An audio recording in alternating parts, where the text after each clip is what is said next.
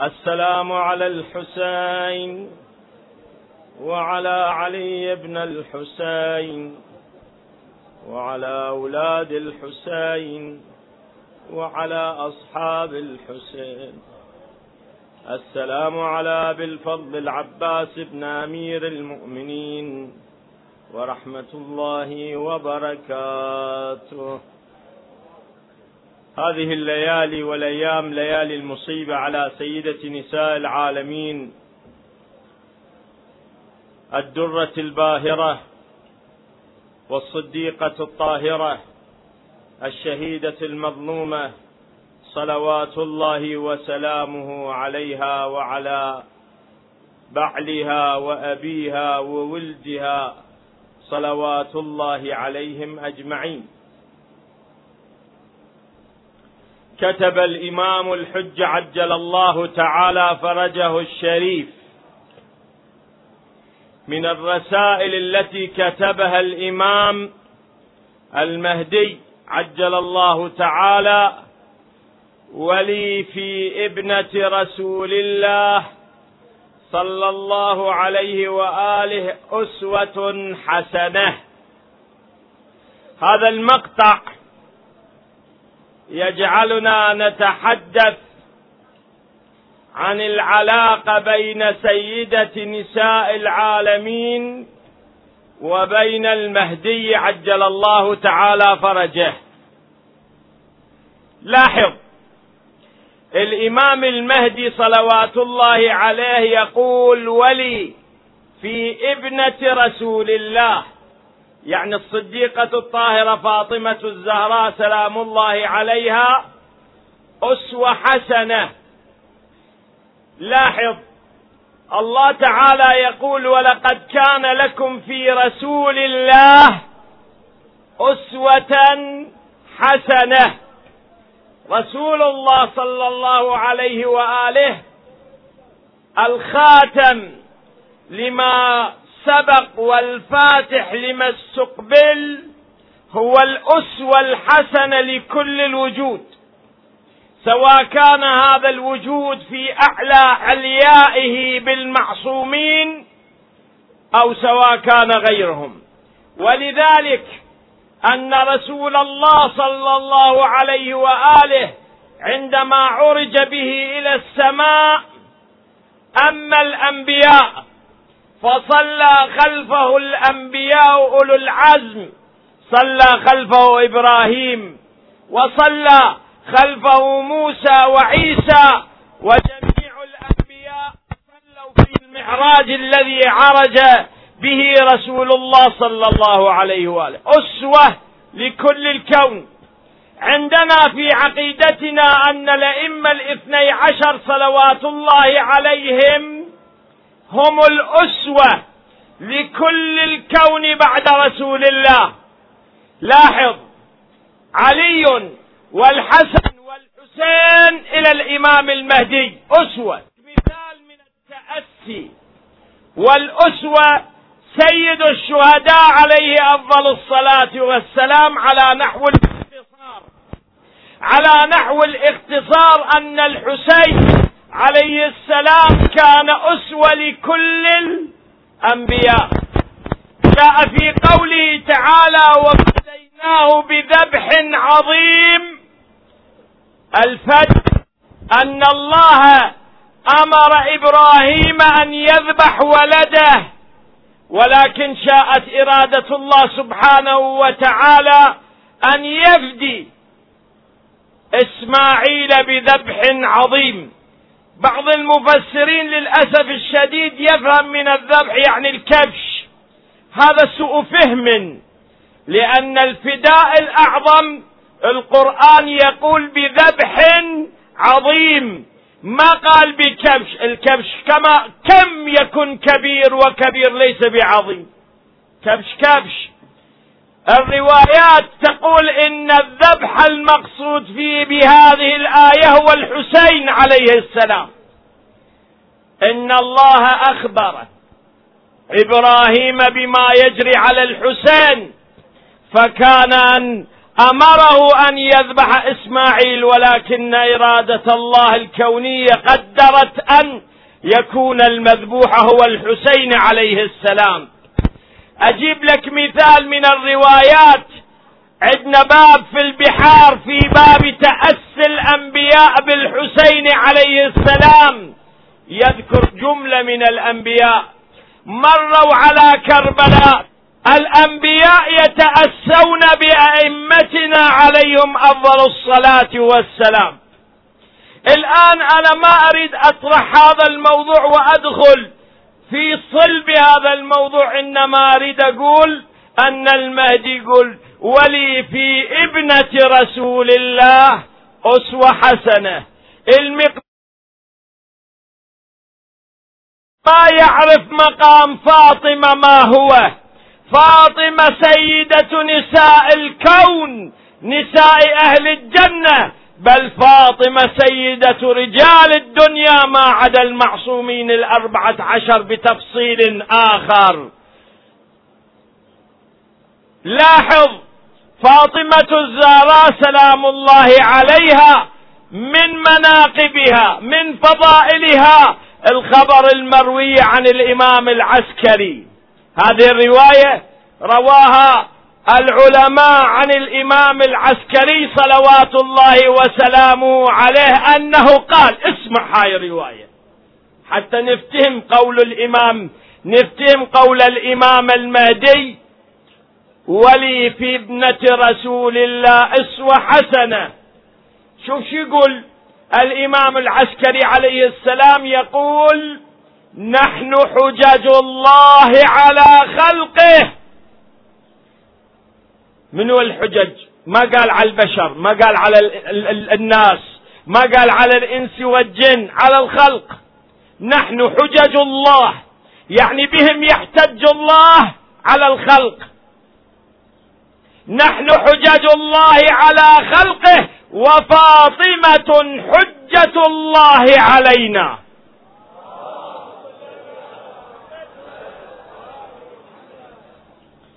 لاحظ مقام سيدة نساء العالمين. في أي مقام أنها حجة؟ هل أن فاطمة إمام؟ لا لفاطمة ليست بإمام. الزهراء ليست بإمام. ولكن الزهراء سلام الله عليها حجة كونية. جعلها الله حجة أسوة. الحجة بمعنى هذا المقام الأسوة. الحجة هنا بمعنى الأسوة الذي قال الإمام سلام الله على المهدي ولي في ابنة رسول الله أسوة. أسوة يعني هي حجة علينا. الآن أريد أبين لك بالشكل السريع لضيق الوقت. اسمحون اليوم الوقت ضيق ولذلك أريد أختصر وأوجد مقارنة سريعة. إن شاء الله تعالى هذه المقارنة أكملها إذا طان الله عمر في الأسبوع القادم. أعطيكم مقدار من المقارنة بين الزهراء وبين المهدي بين أم المصائب ابنة محمد صلى الله عليه وآله وبين المهدي ابن محمد صلى الله عليه وآله.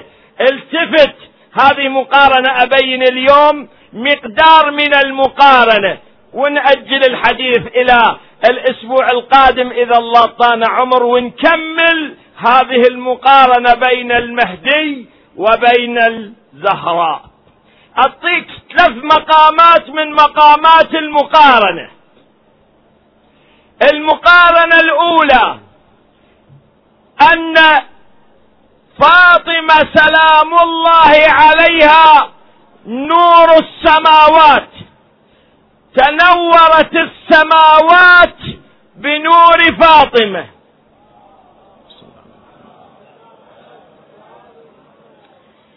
أنا أقرأ لك هذا المقطع من هذا النص. اسمع هذه الرواية المروية عن النبي صلى الله عليه وآله. الرواية رواية طويلة الآن قلنا لأن نريد نختصر ما عندنا وقت. هل مقدار من الرواية؟ أنقل لك ما روي عن النبي في فاطمة سلام الله عليها. النبي صلى الله عليه وآله الرواية كيف أن الله خلق السماوات ثم خلق الأرضين. بعدين يقول النبي صلى الله عليه وآله خلق المشارق والمغارب. في تقدير الله خلق هذه الوجودات. شوية خل نروح ويا النبي. لنتقدم ونسمع هذه الرواية وكنا نخلي آذاننا للنبي صلى الله عليه وآله. شي يقول؟ هذه أسرار الكون. الأسرار ما تجيبها مني ومن غيري. الأسرار تسمعها من رسول الله ومن الأئمة ومن حجج الله. النبي صلى الله عليه وآله يقول خلق الله السماوات خلق الله الأراضين خلق الله المشارق خلق الله المغارب. اسمع شو يقول بعد. يقول ثم أظلمت المشارق والمغارب. صارت ظلمة قبل ما تصير نور قبل ما تتنور المشارق والمغارب صارت ظلمة المشرق صار أظلم المغرب صار أظلم السماوات ظلمة الأراضين ظلمة. ثم أظلمت المشارق والمغارب. صارت ظلمة اسمع. فشكت الملائكة إلى الله تعالى. شلون الآن إذا تجي حجة قوية تصير سوداء مظلمة الناس يصير يعجون إلى الله. يقومون يصلون صلاة الآيات. ربنا اكشف عنا عذابك. زين؟ المشارق والمغارب عندما خلقها الله قبل أن يضع النور فيها صارت ظلمة الملائكة كانوا قد خلقوا. أحسوا بالظلمة شكوا الملائكة إلى الله تعالى. ربنا اكشف عنا هذه الظلمة. فشكت الملائكة إلى الله تعالى أن يكشف عنهم تلك الظلمة. فتكلم الله جل جلاله كلمة. قال كلمة. هاي كلمة مو حرفية. قول الله ليس قولنا. إحنا نحكي باللسان. الله سبحانه وتعالى يخلق الكلام. وليس لله أستغفر الله حنجرة. هذا إحنا المخلوقين وهذا كم مرة إحنا متكلمين موضوع كلام الله. كلام الله يخلق الكلام يخلق يصنع. تقول الرواية فتكلم الله جل جلاله كلمة فخلق منها روحا. قال كلمة خلق من الكلمة روح. ثم تكلم بكلمة فخلق من تلك الكلمة نور. صار كلمتين الكلمة الأولى روح الكلمة الثانية نور. فأضاءت النور إلى تلك الروح.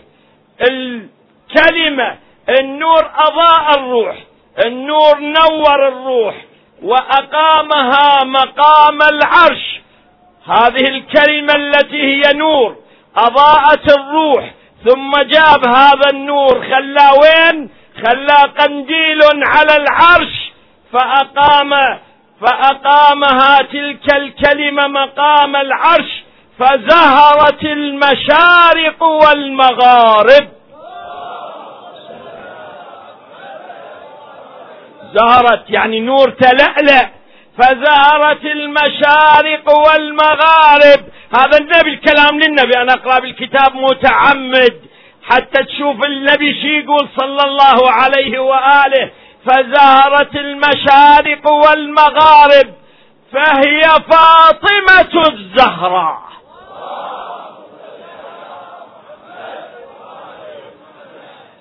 فاطمة نور فاطمة نور الله نور السماوات والأرض مثل نوره. كمشكاة فيها مصباح المصباح في زجاجة الزجاجة كأنها كوكب دري يوقد من شجرة مباركة لا زيتونة زيتونة لا شرقية ولا غربية يكاد زيتها يضيء ولو لم تمسسه نار نور على نور. فاطمة مع علي نور على نور يهدي الله إلى نوره شيعتنا. في التفسير شيعتنا يهدي الله إلى نوره من يشاء. زهرت السماوات والأرض بنوره فاطمة سلام الله عليها. الله يقول مشكات. مشكات. المشكات المصباح المنير. فاطمة المصباح المنير صلوات الله وسلامه عليها وعلى آلها. هاي فاطمة. سميت الزهراء الزهراء لأن الله بنورها أزهر السماوات والأرض. اقرينا بالروايات من قبل أن أم المؤمنين أم سلمة سلام الله عليها كانت تقول إذا وقفت فاطمة إلى الصلاة. إذا وقفت فاطمة إلى الصلاة انعكس نورها على جدران المدينة.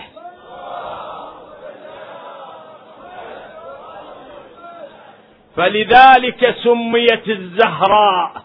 سميت الزهراء لأنها أزهرت بها السماوات أشرقت بها السماوات.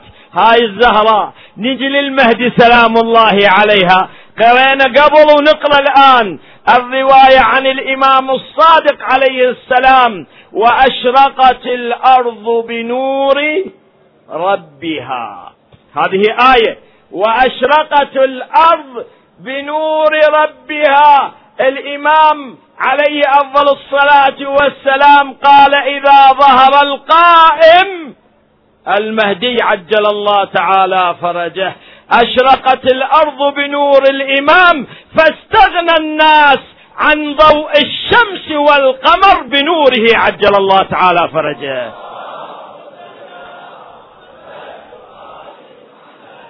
هذه مقارنة أولى. المقارنة الثانية لضيق الوقت قدنا ثلاث مقارنات نختصر الحديث. مقارنة بين المهدي وأمه. ولي في ابنة رسول الله أسوة حسنة المقارنة الثانية بالحمل. عندما حملت خديجة بفاطمة الزهراء سلام الله عليها كان كلما دخل النبي صلى الله عليه وآله على خديجة وجدها تتحدث.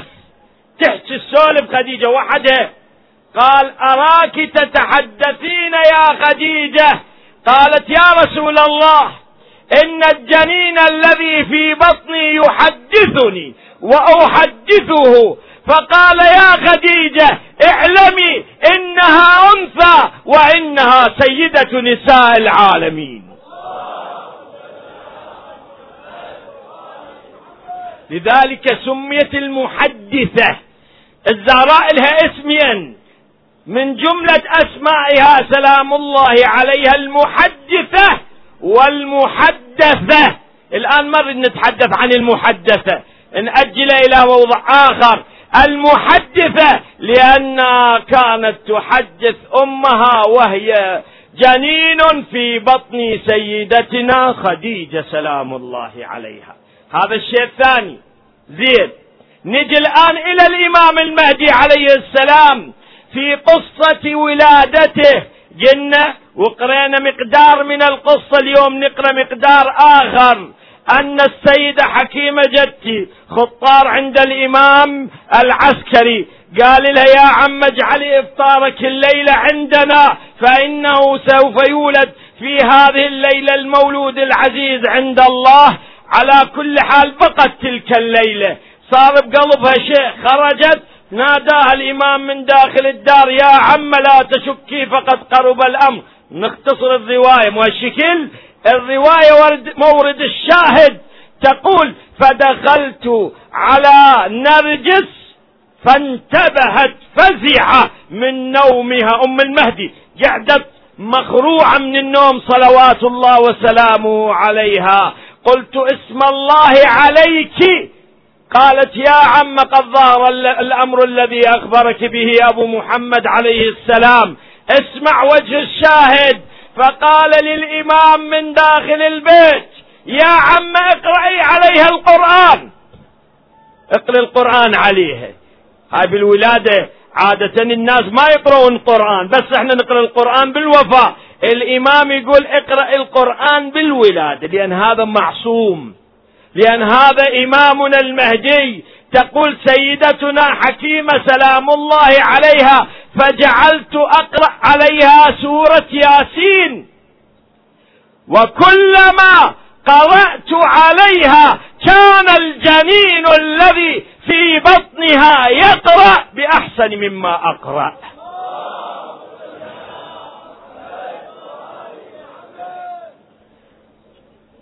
دولة فوق موازين الطبيعة. إحنا نريد نخلي أهل البيت مثلنا نحاسبهم مثل ما نحسب أنفسنا. نعاملهم مثل ما نعامل أرواحنا. الله سبحانه وتعالى جعلهم لا يقاس بهم أحد. الإمام أمير المؤمنين عليه السلام يقول في نهج البلاغة آل محمد. دخيلك يا أبا عبد الله. آل محمد لا يقاس بهم أحد. ماكو واحد بالدنيا ينقاس بآل محمد. آتاكم الله ما لم يؤتي أحدا من العالمين. بس لكم الكون كل لهم صلوات الله عليهم. لا يقاس. جنين. في بطن أمه يتكلم ويقرأ القرآن. مو مرة يقرأ هنا يسمع سيدتنا حكيمة تقرأ القرآن فيقرأ كما فيقرأ كما تقرأ بل أحسن مما تقرأ صلوات الله عليهم أجمعين. شوف المقايسة الثانية. أعطيك المقايسة الثالثة. هاي المقايسة الثالثة مقايسة ولي في ابنة رسول الله أسوة حسنة. يوم توفى رسول الله صلى الله عليه وآله. يوم مات النبي صلى الله عليه وآله. تقول فاطمة ما مرت يوم ولا ليلة بأشد من ليلته. وفاة رسول الله فلا سماء تظلنا ولا أرض تقلنا. بقينا وحدنا المحمد. بدت المؤامرات علينا تنحاك في الدنيا وآل محمد محاصرون في بيتهم. سلام الله عليهم. أمير المؤمنين ثلاثة أيام يأمر الناس بالصلاة على رسول الله والناس مشغولين بالمؤامرات وحياكة المواضيع التي كيف يسلطون يتسلطون على مقاليد الدنيا. وعلي مهتم بتجهيز رسول الله صلى الله عليه وآله. تم ما كان. اسمع الأمر. تم ما كان فإذا بالزهراء وعلي يبقون وحدهم. هسه شلون يبقون وحدهم؟ بقصة طويلة. تبقى الزهراء وحدها. ولذلك بالزيارة السلام عليك أيتها المظلومة. الوحيدة لأن الزهراء بقيت وحدها مع علي وأطفالها والحسن والحسين عليهم السلام. وحدهم. بعدين حتى المدينة ما حوتهم.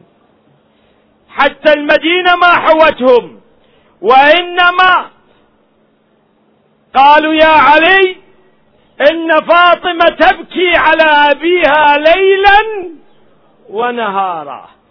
فاجعل لها الليل أو النهار. واحد منهن. شي يضركم؟ فاطمة وبكت على أبوها. قال له لا ما يصير. شوف شلون حرية. شلون حرية الرأي؟ منعت حتى من البكاء. لو الليل لو النهار فاختارت سلام الله عليها البكاء نهارا. ليل هم نايمين. جاءوا إلى علي. قالوا يا علي إن فاطمة آذتنا ببكائها فقل لها تترك بكاءها. فبنى لها علي خارج المدينة قبل أن يبكي. فقالوا له فقالوا لعلي عليه السلام إن فاطمة آذتنا ببكائها. فجعل علي يأخذ فاطمة كل يوم صباح أول طلوع الشمس يطلع خارج المدينة إلى شجرة أراكة أراكة نوع من أنواع الشجر اسم الأراك. إلى أراكة خارج المدينة فتبكي أباها من يصير دنيا المغرب يرجع فاطمة سلام الله عليها. وين؟ إلى المدينة. قالوا يا علي آذتنا.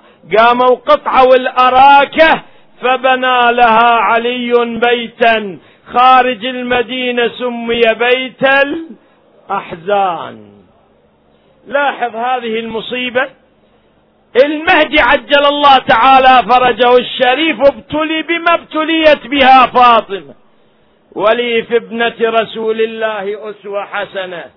لأن النتيجة سوف نكون نفس النتيجة. إذا تبقى الأمور على نفس المنوال تبقى النتيجة واحدة. ولذلك نجد أن الإمام عجل الله تعالى فرجه الشريف أخفاه الله. أول مرة أخفاه بالغيبة الصغرى. ليش؟ حتى لا يصل إليه الظالمون. لكن عندما ظهرت أن الأمة شوف عندنا رواية عن الإمام الحجة أيضا. عن الإمام الحجة. رواية مضمون هذه الرواية. إن الله سبحانه وتعالى إذا أراد أن ينتقم من قوم أبعدنا عنهم. يعني أن الله سبحانه وتعالى خلاهم رحمة للعالمين. خلاهم رحمة للعالمين. لكن هاي الرحمة بعض الأحيان الناس ما تستحقها. الرحمة بعض الأحيان الناس ما يستحقون الرحمة. لذلك الله سبحانه وتعالى شي يسوي؟ يشيل الرحمة. يضم الرحمة عن هذا هذا الناس هؤلاء الناس الذين لا يستحقون الرحمة. الإمام المهدي صلوات الله وسلامه عليه في أحد الأسباب التي غاب عن الأمة لأن هناك أكثر الأمة مش شوفون بس إحنا لو نأخذ الأمة بشكل عام أكثرهم للحق كارهون. الأمة بشكل العام وقليل من عباد الصالحين. قليل ما هم لكن الكثرة مذمومة والقلة ممدوحة. ولذلك يخاف على نفسه سلام الله عليه أن تجري المقادير بما جرت على جدته الزهراء.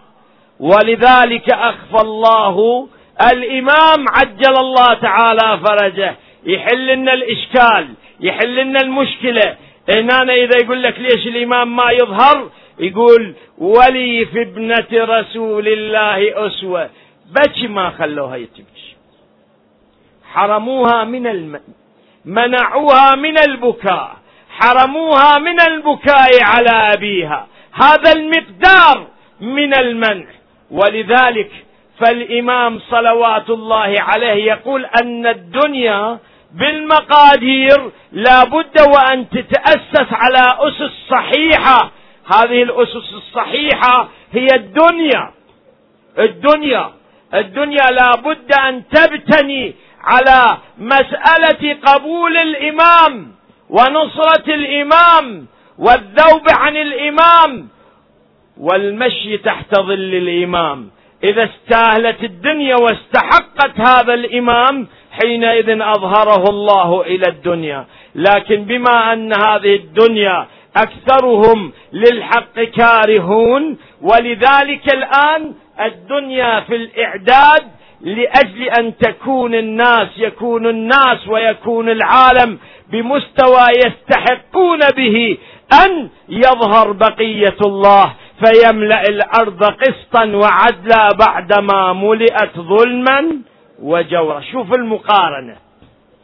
المقارنة بين ظلم المهدي وظلم فاطمة.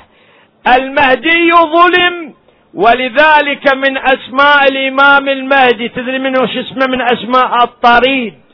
تلاحظ أن أعداء الإمام وأعداء الحق يطاردون الإمام عجل الله تعالى فرجه الآن ما أريد أتحدث عن هذا الاسم الشريف وأبين لكم الوضع الواقعي الآن على الأرض كيف أن هناك أجهزة كاملة تتتبع وتحاول أن تتتبع حركة الإمام المهدي لأجل أن تصل إليه وتقتله. ولذلك فهو سلام الله عليه. لم يتخذ موطنا. بالله عليك إذا أنت ما عندك بيت يومية في بيت شي يصير بحالك؟ ألم يكن حالك حال من يتألم ويتأذى ويتعذب هذا هذه المقارنة بين إمامنا بالضبط ما جرى على فاطمة سلام الله عليها. المبادئ عندما تختلف المفاهيم عندما تختلف تكون بمستوى هذا المستوى من مستويات الطرد وطرد الطرد والإبعاد عن الحق والإبعاد عن أهل بيت النبوة سلام الله عليها. بالله أن فاطمة لا تستطيع أن تبكي.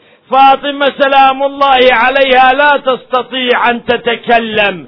فاطمة ليش لا تستطيع أن تتكلم؟ لأن فاطمة كانت تذكر مشيتها بمشية رسول الله صلى الله عليه وآله. تقول الرواة عندما خرجت فاطمة سلام الله عليها في خطبتها تلك التي خطبتها في مسجد النبي صلى الله عليه وآله كانت تمشي في جملة من حفدتها يعني من الذين بنات في سنها في عمرها تمشي صلوات الله عليها.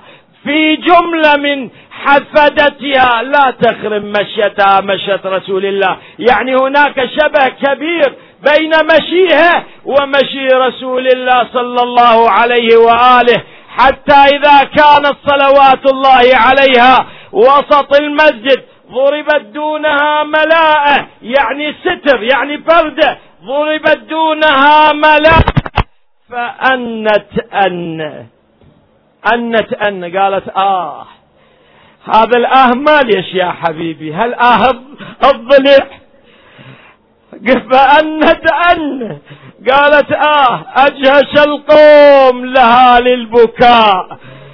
الناس كلها بكت. ليش يبكون؟ لأن ما يتصورون. رسول الله حبيبي كم بنية عنده؟ كم ولد عنده؟ رسول الله ما عنده ذرية إلا فاطمة سلام الله عليها.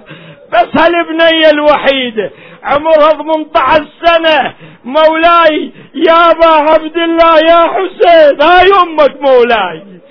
مولاي هاي فاطمة سلام الله عليها. خرجت إلى مسجد رسول الله. تريد تقول وصدراه انت لاحظ شوف جلافة أولئك القوم صلافة أولئك القوم. اجوا حول بيت علي الرايح للمدينة المنورة يدرس كبر بيت علي. غرفة واحدة حجرة واحدة ملصوقة بقبر النبي صلى الله عليه وآله. جاءوا بأربعة آلاف شاعرين سيوفهم ومعهم الخشب الحطب الجزل. يعني حطب هذا يشتعل بسرعة. وضعوه على باب فاطمة. ثم نادى المنادي يا علي اخرج فبايع وإلا حرقنا عليك دارك. نادى المنادي قال لهم في البيت فاطمة. قال وين؟ ثم جيء بالحطب حول بيت فاطمة سلام الله عليها. الرواة يقولون اسمع الرواية. المصرع المصيبة. الرواة يقولون ثم وضعوا النهر في الحطب فاشتعل قال هجموا على بيت فاطمة يا أبا عبد الله الهجوم على خيمك مو أول هجوم. سيدي شفت هجومين هجوم بالمدينة وهجوم بكربلاء اهجموا على بيت علي. فاطمة سلام الله عليها وراء الباب. تحامي عن الولاية تحامي على علي. تدري تقول ذولا ما يقدرون يوصلون. لأن من شيمة العرب إذا أكون مرة ما يعتدون على مرة. من شيمة العرب يحترمون ابنة النبي. فنادت يا فلان ما لقينا منك. مش سويت بينا إيش عملت بينا يا فلان؟ فقال عندما سمع صوتها يا قنفذ اهجم على علي. عندما حست فاطمة ما كان على وجهها ستر ما على وجهها ستر خافت ينكشف وجهها من الستر فلاذت وراء الباب. قال سليم قلت يا سلمان هل دخلوا الدار ولا استئذان معقولة. يا سلمان يدخلون على فاطمة بلا استئذان. مو ستة أشهر. مو ستة أشهر رسول الله يوقف على بيت فاطمة. يقول إنما يريد الله ليذيب عنكم الرجس أهل البيت ويطهركم تطهيرا. يا فاطمة أتأذن لي بالدخول؟ تقول له يا أبت؟ البيت بيتك والحر ابنتك. رسول الله ما يدخل إلا بإذن.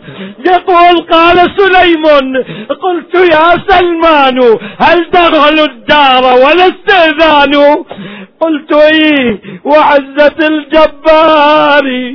وما على البتول من خماري فمذ رأوها يا أبا عبد الله عظم الله لك الأجر. فمذ رأوها عصروها. عصرا. كادت بنفسي أن تموت. حسرا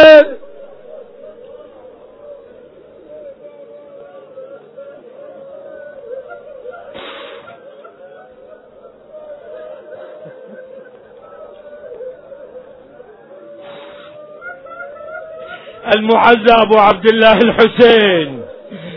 المعزى بامي سيدة نساء العالمين وإحنا بحرمه. سيدي عظم الله لك الأجر. رحم الله دمعتكم. شوف الآن أنت قلبك انقطع. الآن صار قلبك يم الحسين. امتلأ قلبك نور. الحسين والزهراء. الحسين والزهراء مجلس ذكر الحسين والزهراء وصاحب الزمان. هذا مجلس قريب إلى الله. واحد رأى في المنام. الإمام الجواد وقيل هذه رواية. قال له سيدي عندنا مصيبة عندنا حاجة أجي يا مولاي يا مولاي الإمام الجواد عندنا حاجة عندكم. أتوسل أجيانا المقاماتكم. اقضوا حاجاتي ما تنقضي حاجات معسرة. حاجات ما تنقضي شلون تنقضي الإمام الجواد يقول له يا فلان قل لشيعتنا إذا كان عندهم حاجة يجون يتوسلون يمنا إذا يريدون حاجتهم تنقضي يقسمون علينا بضلعهم من الزهراء.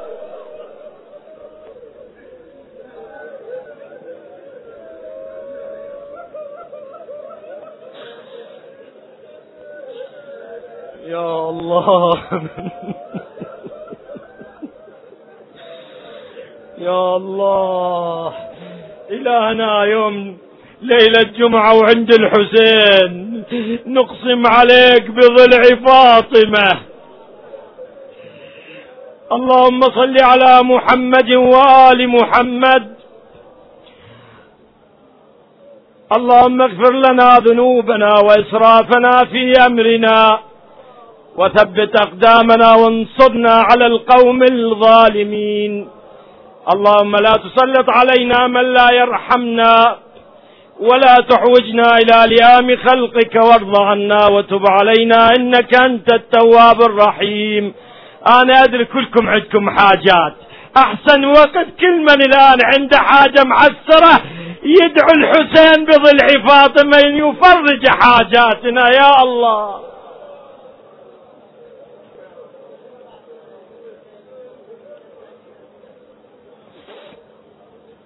اللهم عجل لوليك الفرج واجعل فرجنا بفرجه.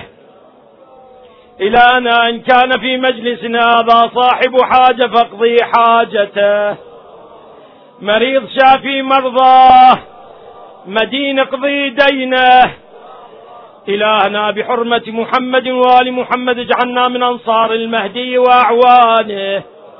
احفظ علمانا الأعلام ومراجعنا الكرام لا سيما آية الله العظمى المرجع الدين الأعلى السيد السستاني دعاء مريض.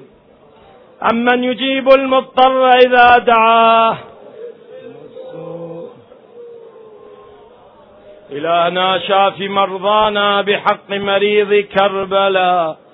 إلى أموات المؤمنين والمؤمنات. بالخصوص شهداء الإسلام وعلمائنا الأعلام رحم الله من يقرأ الفاتحة مع الصلوات.